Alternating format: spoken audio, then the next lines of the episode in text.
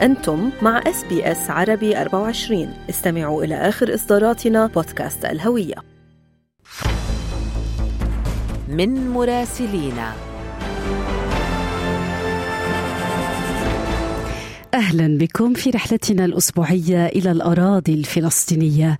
أنا بترا طوق الهندي. وأنا فارس حسن ويسعدنا أن تنضم إلينا من هناك مراسلتنا راما يوسف يا أهلا وسهلا فيك راما. سنبدأ بهذه الدعوات دعوات للعصيان المدني في مناطق عدة من القدس والضفة الغربية. ويبدو أن المحتجين أغلقوا شوارع رئيسية. ماذا لدينا في تفاصيل كل هذه التطورات الميدانية راما؟ صحيح فعليا يعني تطورات ميدانية كبيرة تجري الآن وحاليا في الأراضي الفلسطينية. جاءت هذه الأحداث وإغلاق الشوارع في مدن رئيسية ومناطق متفرقة من المدينة من مدينة القدس والضفة الغربية. أعقاب في أعقاب إعلان أمس عن إضراب شامل وعصيان مدني احتجاجا على عمليات التفتيش المتعاقبة والتي يجري تنفيذ هذه الأساليب أكثر صرامة. وتتنافى مع الحقوق الإنسانية بحسب تعبير الداعين لهذا الاعتصام. طبعا كل هذه الأساليب التي تتعامل مع الفلسطينيين بشكل صارم بدأت بعد الهجوم الأخير على مخيم شعفاط والمناطق المجاورة وعدة أحداث ميدانية جرت في الأسابيع الماضية أيضا اندلعت احتجاجات في ساعات مبكرة من صباح اليوم في عدة أحياء في القدس الشرقية وقام عدد من المتظاهرون بإغلاق طرق بالإطارات المحترقة وحاويات القمامة حسب ما أفادت الشرطة الإسرائيلية. أيضا بحسب المتحدث باسم الشرطة الإسرائيلية قام هؤلاء المتظاهرون بإغلاق أحياء مثل شعفاط، العيسوية، جبل المكبر وسلوان وهي مناطق متفرقة في مدينة القدس وانطلقت هذه المظاهرة المدنية ضد الحواجز التي أقيمت الأسبوع الماضي هذا وانطلقت الاحتجاجات بسبب الإجراءات التي أعلنتها الحكومة الإسرائيلية أيضا في أعقاب الهجمات الدامية الجارية منذ أسابيع عديدة بما في ذلك هدم منازل بعض الفلسطينيين في مدينة القدس والضفة الغربية. أيضا في تصريح لوزير الأمن القومي إتمار بن كفير ردا على هذه الدعوات قال أنه أمر الشرطة بمواصلة العملية الأمنية التي أطلق عليها تركيز الجهد وأضاف أن أولئك الذين يسدون المعابر داخل الأحياء يريدون الفوضى في القدس الشرقية ويجب ألا نسمح لهم في بذلك. كانت القوى الوطنية والعشائر في مناطق العيساوية، شعفاط، جبل المكبر قد أعلنت عن خطوات العصيان المدني تتضمن دعوة العمال الفلسطينيين إلى عدم التوجه إلى أماكن عملهم مقاطعة أي عمل داخل إسرائيل وعدم التعامل معهم وإغلاق الطرق المؤدية إلى حاجز مخيم شعفاط وعدم السماح لأي شخص بالمرور خلاله. استمرت هذه هذا العصيان المدني اليوم كامل وانتهى هذا اليوم على أمل انفراج هذه الأزمة قريبا. يعني نبقى مع مشهد استمرار الاحتجاجات ضد الحكومة الإسرائيلية للأسبوع السابع على التوالي راما ولكن كمان في نفس الإطار شهد الشارع الإسرائيلي ازدياد وتيرة الاحتجاجات خلال عطلة نهاية الأسبوع، ماذا عن ردود الفعل الدولية؟ وبالأخص تأكيد بلينكن على ضرورة خيار حل الدولتين وتهدئة الأوضاع ويعني البحث عن حل دائم. دائم لهذا النزاع. فعلا فعلا يعني الجديد فيما يجري ناهيك عن ازدياد وتيره الاحتجاجات في الشارع الإسرائيلي.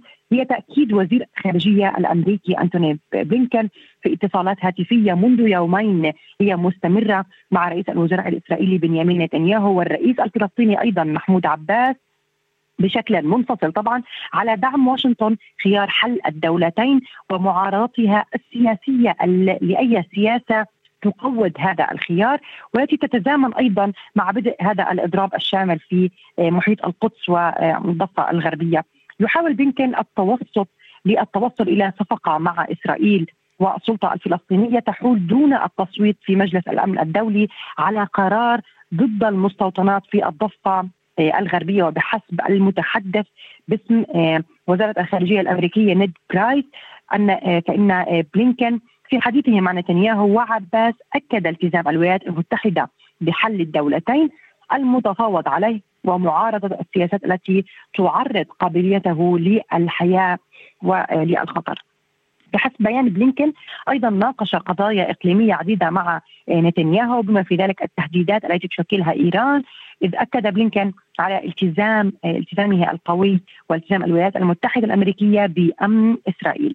أما بخصوص الاحتجاجات الواسعة التي تحصل في البلاد منذ ما يزيد عن سبعة أسابيع لهذا الأسبوع السابع فلا زالت مستمرة وعشرات آلاف المتظاهرين في تل أبيب والبلاد يخرجون في الشوارع ضد الإصلاحات القضائية وتنظم هذه المظاهرات في عشرات المواقع في جميع أنحاء إسرائيل. بما في ذلك التظاهرة الرئيسية في شارع كابلان قرب مقر وزارة الأمن في مدينة تل أبيب وسط إسرائيل.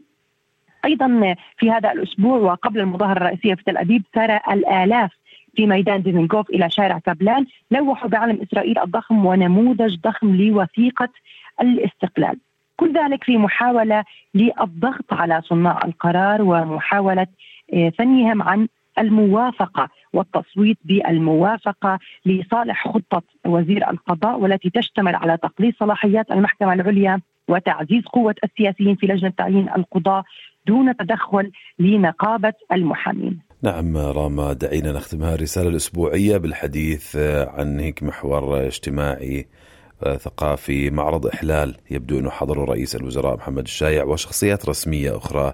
شو عنا تفاصيل عن هذا المعرض وأين أقيم في أي مدينة فلسطينية؟ صحيح يعني نصل لخبرنا المحبب وهو الخبر الاجتماعي والثقافي أيضا. آه هذا المعرض معرض إحلال معرض صوري آه توثيقي تم افتتاحه هذا الأسبوع في قاعة المعارض في متحف محمود درويش في مدينة رام الله بحضور شخصيات رسمية ووطنية من الدكتور محمد شتي رئيس الوزراء الفلسطيني وشخصيات سياسية وثقافية وإعلامية وأيضا سفراء لدول أجنبية في فلسطين. هذا المعرض بحسب القائمين جاء ليؤسس لحقبة جديدة من العمل الفني ويوثق بعض المراحل التي مر بها الشعب الفلسطيني تراثه وتاريخه على مر الأجيال وينتقل بالزائرين لهذا المعرض بين صور تاريخية قديمة وأدوات تراثية كانت تستعمل قديما ما بين المدن الفلسطينية. فيتحدث عن بعض الأكلات التراثية الشعبية التي تشتهر بها بعض المدن والقرى في الضفة الغربية كما ويستعرض بعض الحلي والإكسسوارات التي كانت يرتديها النساء يرتدنها النساء في الماضي كما ويعرض بعض الرسومات والصور التي كان يقتنيها الفلسطينيون في بيوتهم قديما وحديثا ويخلق مقارنة ما بين الماضي والحاضر وأيضا يستشرف المستقبل. معرض إحلال هو معرض فني ثقافي واجتماعي جمع بين الأصالة والحداثة كما ووثق للتضاريس والجغرافيا الفلسطينية من خلال زاوية الخرائط. هذه الخرائط تختص بمناطق مختلفة من قرى ومدن فلسطينية شكلها ومعالمها في السابق وأيضا معالمها الحديثة. الزائرين لهذا المعرض عبروا عن فخرهم وإعجابهم بهذا الشكل من المعارض الفنية والتي باتت رائجة وفكرة جديدة من أشكال الفنون في الأراضي الفلسطينية. تحدثنا مع مراسلتنا من الأراضي الفلسطينية راما يوسف كل الشكر والامتنان لك راما نحكي مع راما في صباح كل اثنين ب Good Morning Australia ونعود الاستماع لها بأستراليا اليوم بعد الظهر وأيضا عبر SBS Radio app وموقعنا الإلكتروني. اضغطوا على ال like أو على ال share أو اكتبوا تعليقا. تابعوا SBS عربي 24 على الفيسبوك.